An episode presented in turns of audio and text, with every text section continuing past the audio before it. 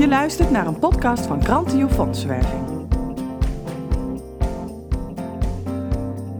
Leuk dat je luistert naar de podcastserie Alles over fondsenwerving. En in deze aflevering gaat het over het beleidsplan. Het klinkt misschien een beetje ambtelijk, maar een beleidsplan is echt een nuttig onderdeel van je organisatie die je ook nodig hebt. Sterker nog, de ambi stelt het als een verplichting om gebruik te kunnen maken van de ambi-status.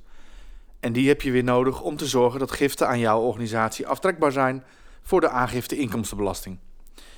Ook fondsen vragen naar je beleidsplan als je een aanvraag indient. Kortom, aan de slag met je beleidsplan. Heb je al een beleidsplan? Gebruik deze podcast dan om te toetsen of dat jouw beleidsplan voldoet aan de eisen.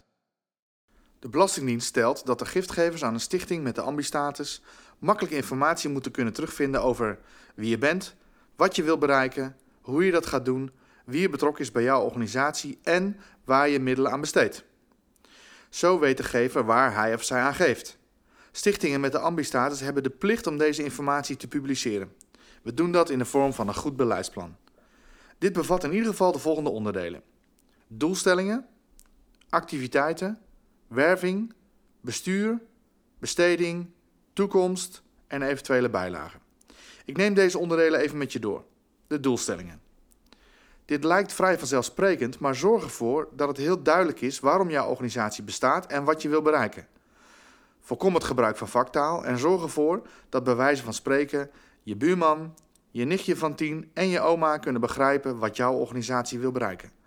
Hier gaat het ook over je visie, missie, strategie en middelen. Betrek je bestuur ook in het opstellen en uitwerken van je beleidsplan. Zelfs als de inhoudelijke kant grotendeels bij jou of je collega's vandaan komt, betrek je bestuur erbij zodat zij input kunnen geven en zich onderdeel voelen van het beleidsplan. In het beleidsplan horen ook praktische gegevens van jouw organisatie. Denk hierbij aan contactgegevens. Mensen moeten contact met jouw organisatie op kunnen nemen als zij vragen hebben. Een e-mailadres en een postadres zijn verplicht. Een telefoonnummer erbij maakt het voor mensen makkelijker om contact met je op te nemen. Vermeld ook je website en het RSIN-nummer. Dat is het nummer waarmee je bekend bent bij de Belastingdienst. Geef ook aan of dat je over de ambistatus beschikt en zo ja, onder welk nummer.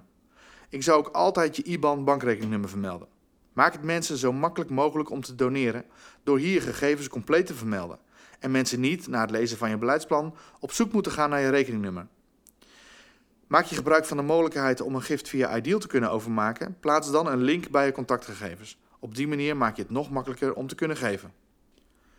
Nadat je bij doelstellingen hebt beschreven wat de kern van jouw missie is, wat je wil bereiken, je zou zelfs kunnen zeggen waarom jouw organisatie bestaat, werk je in het volgende hoofdstuk bij activiteiten uit wat je concreet gaat doen om die doelstellingen te realiseren. Wees daarbij zo concreet mogelijk.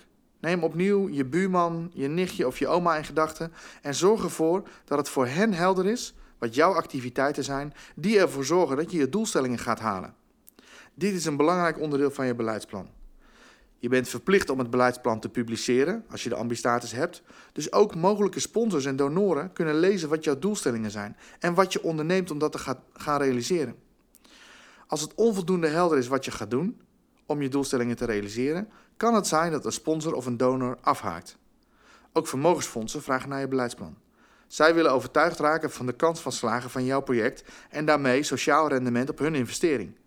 Zorg er daarom voor dat je beleidsplan helder is over welke activiteiten je gaat ondernemen om jouw doelstelling te realiseren. Werven van middelen. Mensen of organisaties die een bijdrage willen leveren aan jouw sociale missie, willen ook weten wat je doet om middelen te werven. Zoals eerder besproken gaat het dan niet alleen over geld, maar ook over materialen, expertise en tijd. Beschrijf hierbij hoe je die middelen gaat werven en bij wie.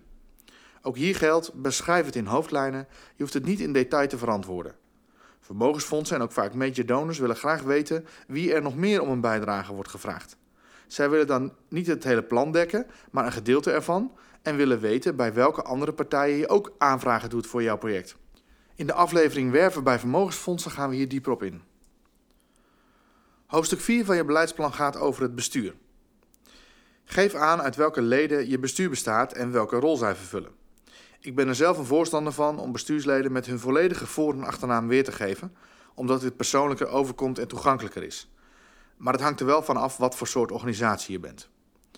De commissie Wijfels geeft heldere richtlijnen over dat bestuurders geen familie mogen zijn van leidinggevenden binnen de organisatie, om zo een mogelijke belangenverstrengeling te voorkomen.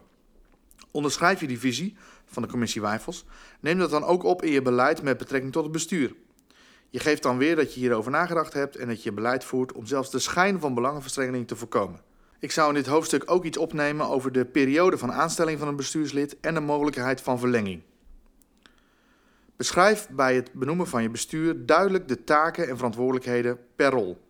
Hoe duidelijker je bent over wat bestuursleden doen, hoe meer het bijdraagt in het vertrouwen in jouw organisatie.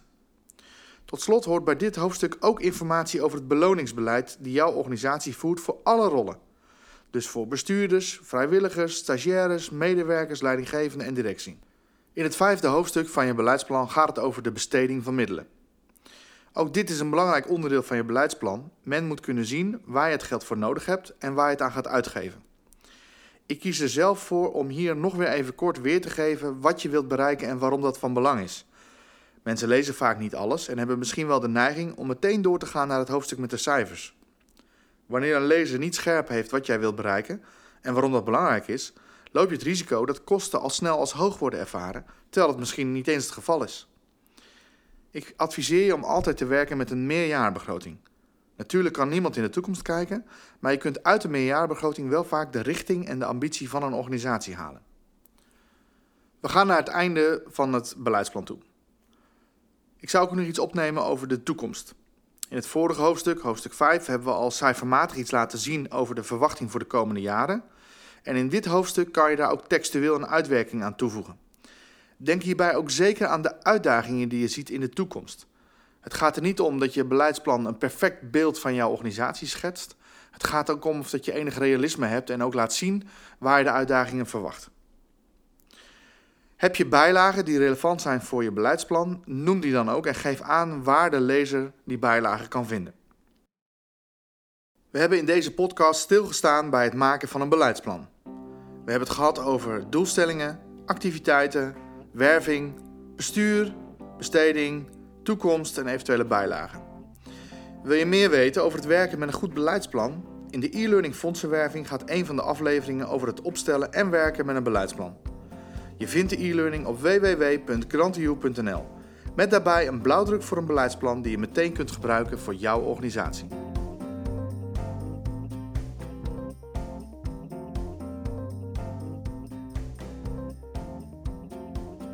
Heb je vragen? Stuur je mail naar podcast.grantioe.nl